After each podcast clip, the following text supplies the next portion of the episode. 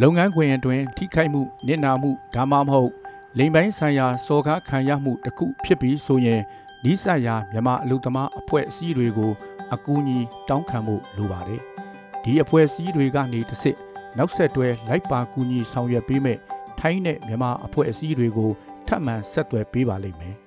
အထူးသဖြင့်မြန်မာအလုပ်သမားအများစုရှိတဲ့ထိုင်းနိုင်ငံစမော့စခွန်ခရိုင် မဟာချိုင်ဒေသမှာဆိုရင်ရွှေပြောင်းအလုပ်သမားအခွင့်အရေးကွန်ရက် MWRN Labor Protection Network LPN မြန်မာ HRDF မဟာချိုင် Human Rights and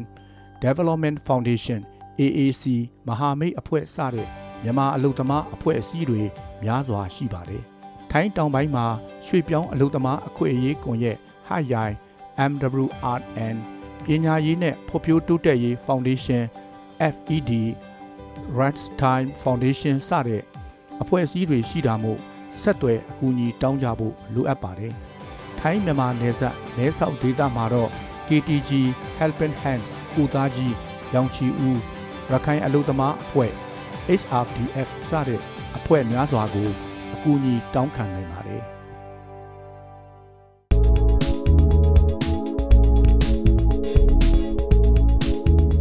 ဇွန်လ17ရက်ကနေ18ရက်နေ့အထိတပတ်အတွင်းတနင်္သာရီသတင်းအစီအစဉ်ကိုတင်ဆက်ပါတော့မယ်ခင်ဗျာဒီအစီအစဉ်ကို The Way Watch အဖွဲ့သားတွေကစူးစီးတင်ဆက်ထားတာပါတနင်္သာရီတိုင်းတဲကစေဘေးရှောင်ကူညီစောက်ရှောက်ရေးအဖွဲ့6ဖွဲ့ပူးပေါင်းပြီးဝတန်ဦးအတွက်ဆန်စုဘူးအမည်နဲ့ online campaign တစ်ခုကိုဇွန်လ17ရက်နေ့ကစတင်လိုက်ပါတယ်။ မိုးရာသီမှာစစ်ဘေးရှောင်တွေစားနပ်ရိက္ခာဖူလုံစေဖို့အတွက်ဒီကမ်ပိန်းကိုလှုပ်ဆောင်ကြတာလို့ဆိုပါတယ်။တနင်္သာရီတိုင်းမှာစစ်ဘေးရှောင်4000နီးပါးရှိနေပါတယ်။ လက်ရှိမှာတော့စစ်ဘေးရှောင်တွေဟာစားနပ်ရိက္ခာခက်ခဲကြုံနေကြရပြီးမိုးတွင်းကာလမှာပူမူကြက်တဲလာနိုင်တယ်လို့စစ်ဘေးရှောင်များကူညီဆောက်ရှောက်ရေးပူးပေါင်းအဖွဲ့ကဆိုပါတယ်။ကုံစည်းနှုံကြီးလာတာနဲ့တဲယူပို့ဆောင်ရေးလမ်းကြောင်းတွေမှာကတ်တက်ခံနေရတာတွေကအဓိကထိုးနှက်ချက်ဖြစ်နေတယ်လို့ဆိုပါတယ်။ဒါကြောင့်မို့ဇွန်လ12ရက်ကနေဇူလိုင်လ26ရက်နေ့အထိ45ရက်တာကာလအတွင်းစံအိမ်ပေါင်း1500စုစည်းနိုင်ဖို့ဒီကမ်ပိန်းကိုလှုပ်ဆောင်ခဲ့တာလို့ဆိုပါတယ်။ ဆန်စုပေးလူသူတွေအနေနဲ့ဝတန်ဦးအတွက်ဆန်စုဘူးလူမှုကွန်ရက်စာမျက်နှာရဲ့ Messenger ကတစ်ဆင့်ဆက်သွယ်လှူဒါန်းနိုင်တယ်လို့ဆိုပါတယ်။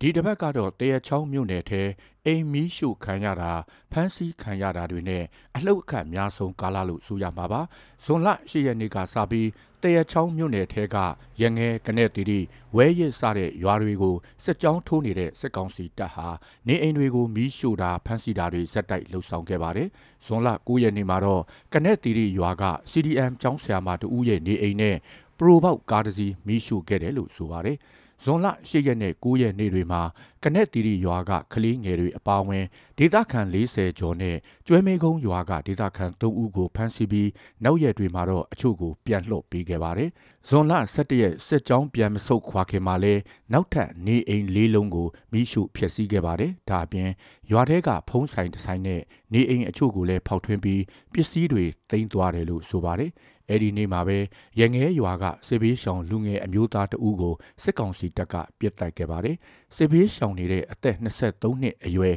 ကိုဝေယံဟင်းဟာကျမ်းမာရေးမကောင်းတဲ့မိခင်အတွက်အိမ်မှာဆေးပြန်ယူချိန်စစ်ကောင်စီတပ်နဲ့တွေ့ပြီးအိရှိမှာပဲပြစ်တက်ခံရတာလို့ဆိုပါတယ်။ဇွန်လ12ရက်မှာတော့ရငဲရွာကနောက်ထပ်နေအိမ်၅လုံးမိရှုဖျက်ဆီးခံရတယ်လို့ဒေသခံတွေကပြောပါတယ်။ မွန်လွယ်ပိုင်းမှာတော့စစ်ကောင်စီတပ်နဲ့ပြည်သူ့ကာကွယ်ရေးတပ်တို့အပြန်အလှန်ပစ်ခတ်မှုဖြစ်ပွားခဲ့ပါတယ်။အဲ့ဒီပစ်ခတ်မှုမှာအသက်50လောက်ရှိတဲ့အမျိုးသမီးတဦးလက်နက်ကြီးကြီးစားထိလို့ဒဏ်ရာရခဲ့တယ်လို့အခြားအမျိုးသမီးတဦးလည်းသနတ်ထိလို့ခြေထောက်မှာဒဏ်ရာရခဲ့ပါတယ်။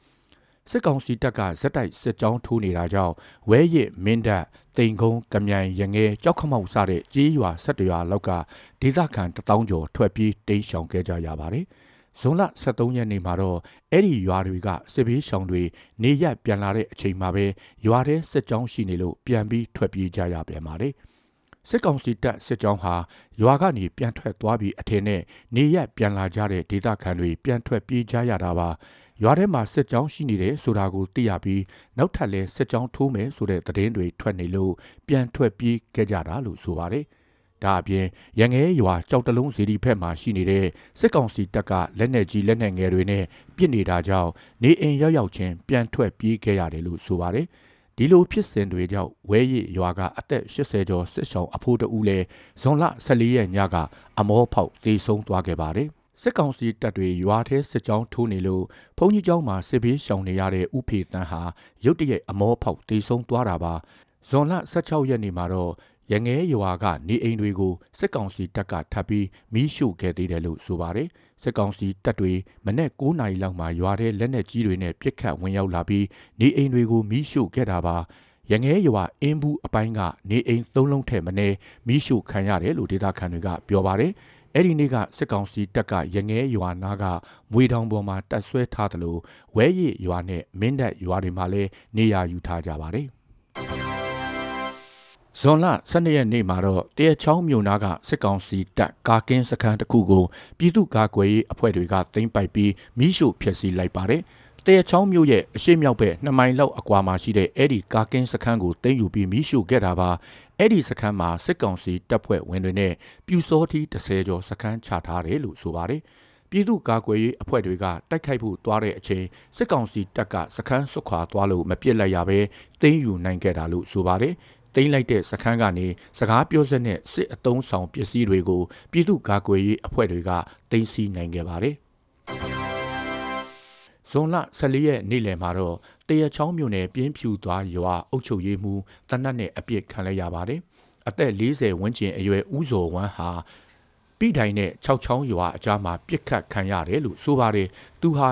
NLD အစိုးရလက်ထက်ကလေးကအုပ်ချုပ်ရေးမှူးတာဝန်ထမ်းဆောင်ခဲ့တာဖြစ်ပြီးဘယ်သူတွေကပြစ်ခတ်တယ်ဆိုတာကိုတော့လက်တလောမသိရသေးပါဘူး။ဇွန်လ2ရက်နေ့ကလည်းဥဇော်ဝမ်းနဲ့ဆီယာမတွေစီးနင်းလာတဲ့ကားမိုင်းဆွဲတိုက်ခိုက်ခံရပါသေးတယ်။ဇွန်လ14ရက်မနေ့ကပလောမြို့နယ်ဇရက်စိတ်ရွာနာကဥယျင်ထဲမိုင်းနှင်းမိလို့အယက်သားတအူတေဆုံးပြီးတအူဒဏ်ရာရသွားခဲ့ပါတယ်။ သူတို့နှစ်ယောက်ဟာတစ်ချတီးအစိသွားကောက်ဖို့တောထဲသွားရာကမိုင်းနေမိတာလို့ဆိုပါတယ်။မိုင်းနေမိတာကြောင့်ဗလမြို့ခံကိုအောင်ဇော်လက်ကနေရာမှာပဲတေဆုံးသွားပြီးသူ့ရဲ့အလုသမားကတော့မျက်လုံးကိုမိုင်းစထိမှန်ခဲ့ပါတယ်။ဘလောမြို့နယ်မှာမိုင်းနေမိတာတွေခက်ဆစ်စိတ်ဖြစ်နေပြီးအယက်သားတေဆုံးဒဏ်ရာရတာတွေလည်းရှိနေပါတယ်။ ဇွန်လ17ရက်နေ့ကလည်းပလောမြို့နယ်ပလမြို့ထဲမှာလယ်ထဲဆင်းတဲ့အမျိုးသားတဦးမိုင်းနှင်းမိပြီးခြေထောက်တစ်ဖက်ဖြတ်ရမယ်အခြေအနေနဲ့ရင်ဆိုင်နေရပါတယ်။အမှတ်လေးရက်ွက်မှာနေတဲ့အသက်40ဝန်းကျင်အရွယ်ကိုကျော်လင်းအောင်ဟာလယ်ထဲဆင်းချိန်မိုင်းနှင်းမိခဲ့တာပါ။လက်ရှိမှာတော့မြိတ်မြို့ဆေးရုံမှာစိတ်ကူးတမှုခံယူနေပါတယ်။ဒေသခံတွေပိုင်ဆိုင်တဲ့လယ်တွေဟာပလရဲစခန်းအနောက်ဘက်မှာရှိပြီးမပေါက်ကွဲသေးတဲ့လက်နက်ကြီးကြီးနဲ့မိုင်းတွေရှိနေတယ်လို့ဒေသခံတွေကပြောပါတယ်။ အဲ့ဒီလေကွင်းထဲမှာစစ်ကောင်စီတပ်ကမိုင်းတွေထောင်ထားတယ်ဆိုတဲ့သတင်းတွေထွက်နေတာကြောင့်လယ်သမားအများစုကအခုနှစ်မိုးရာသီမှာလယ်လုပ်ဖို့ကြောက်လန့်နေကြပါတယ်ပလောမြို့နယ်ထဲကပြည်ထောင်စုလမ်းကိုညဘက်မသွားလာကြဖို့ပလောဒေသကာကွယ်ရေးအဖွဲ့ကဇွန်လ10ရက်နေ့မှာထုတ်ပြန်ထားပါတယ်။အဲ့ဒီလမ်းပိုင်းမှာပြည်သူ့ကာကွယ်ရေးတပ်နဲ့စစ်ကောင်စီတပ်တို့မကြာခဏတိုက်ပွဲဖြစ်နေလို့ည9နာရီကနေမနေ့4နာရီအထိမသွားလာကြဖို့ထုတ်ပြန်ထားတာပါ။ စစ်ကောင်စီတပ်ကပြည်သူတွေနဲ့ရောနှောပုံဖြတ်ပြီးရိတ်ခါတဲတာတပ်ပြောင်းရွှေ့တာစစ်လက်နဲ့တဲတာတွေလုပ်နေတဲ့အတွက်တိုက်ပွဲဖြစ်ရင်ပြည်သူတွေမတော်တဆထိခိုက်တာမရှိစေဖို့အချိန်ကတ်သက်ရတာလို့ဆိုပါတယ်။အဲ့ဒီလမ်းပိုင်းမှာတိုက်ပွဲဖြစ်နေချိန်ခရီးသည်ကားအချို့မှားယွင်းပစ်ခတ်ခံရပြီးပြည်သူအချို့အသက်ဆုံးရှုံးခဲ့ရပူပါတယ်။ ဇွန်လ14ရက်နေ့ကပလောမြို့နယ်မင်းထိန်ရွာကိုစစ်ကောင်စီတပ်ကလက်နက်ကြီးနဲ့ပစ်ခတ်နေလို့ဒေသခံတွေထွက်ပြေးနေကြရပါတယ်။ပလောအခြေစိုက်စစ်ကောင်စီရဲ့အမှတ်285တိုင်ရင်ကတိုက်ပွဲဖြစ်တာမရှိဘဲပစ်ခတ်နေတာလို့ဆိုပါတယ်။အခုလပထမအပတ်ကလည်းမင်းထိန်ရွာထဲလက်နက်ကြီးကြားရောက်ပောက်ကွဲလို့ဒေသခံ3ဦးတေဆုံးပြီးဒဏ်ရာရတဲ့သူတွေလည်းရှိခဲ့ပါတယ်။ ရိတ်ခါပိုပြီးပြန်လာတဲ့စစ်ကောင်စီတပ်ဟာတနင်္သာရီမြို့နယ်မှာဇွန်လ12ရက်နေ့ကကြားဖြတ်တိုက်ခိုက်ခံရပြီးထိခိုက်ဒေဆုံးတာတွေရှိခဲ့ပါတယ်။တိန်တော်ရွာရှီတန်းစခန်းကိုရိတ်ခါပိုပြီးပြန်လာတဲ့အင်အား40ကျော်ပါတဲ့စစ်ကောင်စီတပ်ချီလင်းစစ်ကြောင်းဟာကျွဲထိန်ကုန်းရွာနဲ့တောင်ဘိန်းကြားမှာတိုက်ခိုက်ခံရတာပါ။ပြည်သူ့ကာကွယ်ရေးတပ်တွေကမိုင်းနှလုံးခွဲပြီးတိုက်ခိုက်ခဲ့တယ်လို့တနက်နဲ့ပါပစ်ခတ်ခဲ့တယ်လို့ဆိုပါတယ်။ မိုင်းဆွဲခံရတာကြောင့်စစ်ကောင်စီတပ်သား6ဦးလမ်းပေါ်လဲနေတာကိုတွေ့ရတယ်လို့ဒေသခံချို့ကပြောပါတယ်။တနင်္သာရီဘဲမလိုက်ပျောက်ကြားအဖွဲ့ရဲ့ဒီနေ့ထုတ်ပြန်ချက်မှာတော့တိုက်ပွဲအတွင်းစစ်ကောင်စီတပ်သားတဦးတေဆုံးပြီး6ဦးအပြင်းထန်ဒဏ်ရာရခဲ့တယ်လို့ဆိုပါတယ်စစ်ကောင်စီတပ်ကလက်နက်ကြီးအချက်ရည်20ကျော်ပြန်လည်ပစ်ခတ်ခဲ့ရာရွာထဲကအိမ်တလုံးထိမှန်ပျက်စီးခဲ့ပြီးပြည်သူ့ကာကွယ်ရေးတပ်သားတဦးဒဏ်ရာရခဲ့တယ်လို့ဆိုပါတယ် တနင်္သာရီမြို့နယ်ဗန်လမော့ကြီးရွာအုပ်စုမှာလည်းဥယျာဉ်ချံလုံနေတဲ့လူငယ်9ဦးကိုစစ်ကောင်စီတပ်ကဇွန်လ9ရက်နေ့ကဖမ်းဆီးသွားပါတယ်။အင်အားတရာလောက်ပါတဲ့စစ်ကောင်စီတပ်ကဗန်လမော့ကြီးရွာအုပ်စုကျွဲသုံးပေါင်တောင်ကျောကိုလက်နက်ကြီးပစ်ပြီးစစ်ကြောင်းထိုးဝင်လာခဲ့တယ်လို့ဆိုပါတယ်။ဒီလိုဝင်ရောက်ပြီးနောက်မှာတော့ဥယျာဉ်ချံလုံနေတဲ့ဒေသခံ9ဦးကိုဖမ်းဆီးခေါ်ဆောင်သွားတယ်လို့ဆိုပါတယ်။သူတို့ကိုဘယ်နေရာကိုဖမ်းဆီးခေါ်ဆောင်သွားတယ်ဆိုတာကိုတော့မသိရဘူးလို့ဒေသခံတွေကပြောပါတယ်။ ဒဝဲဟိုတယ်ပိုင်ရှင်နဲ့လုတ်ဖော်ကိုင်ဘဲ၃ဦးကိုဇွန်လ15ရက်နေ့ကထိုင်းနိုင်ငံတရားရုံးတစ်ခုမှာရုံးထုတ်စစ်ဆေးခဲ့ပါတယ်။မူရစေဝါရောင်းဝယ်မှုငွေကြေးခွာချမှုတွေနဲ့ဖမ်းဆီးခံထားရတဲ့ဒဝဲဟိုတယ်ပိုင်ရှင်ဦးထွန်းမင်းလက်ကိုရုံးထုတ်ခဲ့တာပါ။ဦးထွန်းမင်းလက်နဲ့အတူထိုင်းလွတ်တော်အမှတ်ရဲ့သားဖြစ်သူအတွင်းရေးမှူး2ဦးကိုလည်းတရားရုံးမှာစစ်ဆေးခဲ့ပါတယ်။ရုံးထုတ်ရမှာတော့ဦးထွန်းမင်းလက်ကိုဖမ်းဆီးခဲ့တဲ့ထိုင်းရဲစခန်းမှုကိုပထမဆုံးတပ်တွေဖြစ်စတင်စစ်ဆေးခဲ့ပါတယ်။ မူရစေဝအမှုငွေကြေးခွာချမှုအပြင်နိုင်ငံဖြတ်ကျော်ရာဇဝတ်မှုတွေကိုအသေးစိတ်စစ်မေးခဲ့တယ်လို့ဆိုပါတယ်ခရိုနီတူဖြစ်တဲ့ဦးထွန်းမင်းလက်ဟာမြန်မာစစ်ကောင်စီအတွက်လက်နက်ဝယ်ပေးနေတဲ့ပွဲစားတူလို့လည်းဆိုကြပါတယ်ဒီအမှုနဲ့ပတ်သက်ပြီးအခြားသက်သေ20ကိုလည်းဆက်ပြီးစစ်ဆေးသွားမယ်လို့ထိုင်းသတင်းဌာနတွေမှာဖော်ပြထားပါတယ် တဝဲမြို့မှာအာဆီယံအရေးဝယ်ရလွယ်ကူလာပြီးတုံးဆွဲသူလည်းများလာပါတယ်။အာဆီယံဆိုတာကတော့ဘိန်းစာရွက်ကိုအခြေခံပြီးထုတ်လုပ်ထားတဲ့မူရည်စေးအရေးတစ်မျိုးဖြစ်ပါတယ်။အာနာသိမ့်ပြီးနောက်မှာတော့အလွယ်တကူဝယ်လို့ရလာတာကြောင့်တဝဲဒေသကလူငယ်တွေကြားအာဆီယံတောက်သုံးတာတွေမြင့်တက်လာပါတယ်။ရေတပ်ဘူးအသေးနဲ့ထပ်ထားတဲ့အာဆီယံတဘူးကိုနေရာဒေသကိုလိုက်ပြီးငွေကျပ်3000ကနေကျပ်1000ထိဈေးပေါက်နေပါတယ်။ အာဆီယံကိုကြိုချက်ရမှာအဓိကအသုံးပြုတဲ့ဘိန်းစာရွက်အယောင်းအဝယ်လဲမြင့်တက်နေပြီးတရွက်ကို90ကျပ်ကနေ300ကျပ်အထိပေါက်ဈေးရှိနေပါတယ်။တဝယ်ဒေသကကြေးရွာအလှူဒန်းအချို့မှာဆိုရင်လဲအာဆီယံကိုတွင်တွင်ကြဲကြဲအသုံးပြုနေကြပါတယ်။ဌာနဆိုင်ရာရုံးတွေတိုက်ခိုက်ခံရပြီးတဲ့နောက်လောင်းလုံးမြို့ပေါ်မှာတင်းတင်းကြပ်ကြပ်စစ်ဆေးနေတာ၃ပတ်ကျော်လာပြီဖြစ်ပါတယ်။ ပြီးခဲ့တဲ့လ23ရက်နေ့ကလောင်းလုံးမြို့ရှိလဝကယုံစရဖယုံနဲ့မြို့မရဲစခန်းကိုတိုက်ခိုက်ခံရတဲ့အချိန်ကစပြီးအခုအချိန်ထိတင်းကျပ်နေတာပါမြို့ပေါ်ကနေအိမ်တွေစစ်ဆေးဖမ်းဆီးတာလမ်းသွားလမ်းလာကားဆိုင်ကယ်တွေကိုတားပြီးစစ်ဆေးတာတွေကိုတင်းတင်းကြပ်ကြပ်လှုပ်ဆောင်နေတာလို့ဆိုပါတယ်ဖမ်းဆီးခံရသူလဲရာချီရှိနေပြီးရဲစခန်းအချုပ်ထဲမှာထားလို့မဆက်အောင်များပြားနေတယ်လို့ဆိုပါတယ် ဒီအထက်ကအချို့ကိုပြန်လွှတ်ပေးခဲ့ပေမဲ့ဘယ်နှစ်ယောက်လောက်ပြန်လွှတ်ပြီးဘယ်နှဦးအဖမ်းခံနေရဆဲဖြစ်တယ်ဆိုတာကိုတော့တိတိကျကျမသိရသေးပါဘူး။ဇွန်လ12ရက်နေ့မှာတော့လောင်းလုံးမြို့တင်းချိုင်းနာကိုလက်နက်ကြီးကြီးကြားရောက်ပောက်ကွဲခဲ့ပါတယ်။လောင်းလုံးမြို့ပေါ်ရှိအထက်တန်းကျောင်းကိုလည်းစစ်ကောင်စီတပ်ကလုံခြုံရေးချထားပြီးအဝင်အထွက်ကတ်သက်ထားပါတယ်။ဇွန်လ4ရက်နေ့က အဲ့ဒီအထက်တန်းကျောင်းရိုက်ဖျက်ခံရပြီးနှစ်ရက်အကြာမှာစစ်ကောင်စီတပ်ကလက်နက်အပြည့်အစုံနဲ့လုံခြုံရေးချထားတာပါတာဝန်ရှိသူမှအပအကြောင်းထဲမဝင်ရဆိုတဲ့စာကိုလည်းကျောင်းအပြင်မှာချိတ်ဆွဲထားပါတယ်ကျောင်းသားမိဘတွေကိုတော့ကပ်ပြားတွေထုတ်ပေးထားပြီးဝင်ခွင့်ပြုထားပါတယ်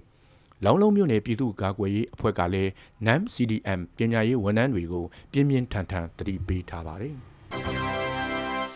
လောင်လုံးရဲစခန်းနဲ့မလှမ်းမကမ်းမှာရှိတဲ့ဖုန်းဆိုင်တစ်ဆိုင်ဇွန်လ14ရက်ညကဖောက်ထွင်းခိုးယူခံလိုက်ရပါတယ်။အဲ့ဒီဖုန်းဆိုင်ဟာလောင်လုံးမြို့မှာရဲစခန်းမြို့နယ်ထွေအုပ်ရုံးတွေရဲ့အနီးအနားမှာတည်ရှိတာပါ။သော့အတုနဲ့တကားဖွင့်ဝင်ပြီးဖုန်းပါဝါဘိုင်နဲ့အခြားဆက်ဆက်ပစ္စည်းတွေအပါအဝင် စုစုပေါင်းတန်ဖိုးကြက်သိန်းရာချီခိုးသွားတယ်လို့ဆိုပါတယ်။ အခုလိုနားဆင်ပေးခဲ့တဲ့အတွက်ကျေးဇူးအထူးတင်ရှိပါတယ်ခင်ဗျာတောတာရှင်များကျမ်းမာချမ်းသာပြီးကပ်ပြီးအပေါင်းမှဝေးနိုင်ကြပါစေလို့ဒဝေဝက်ဝိုင်းတော်သားများကစုမုံကောင်းတောင်းလိုက်ပါတယ်ခင်ဗျာ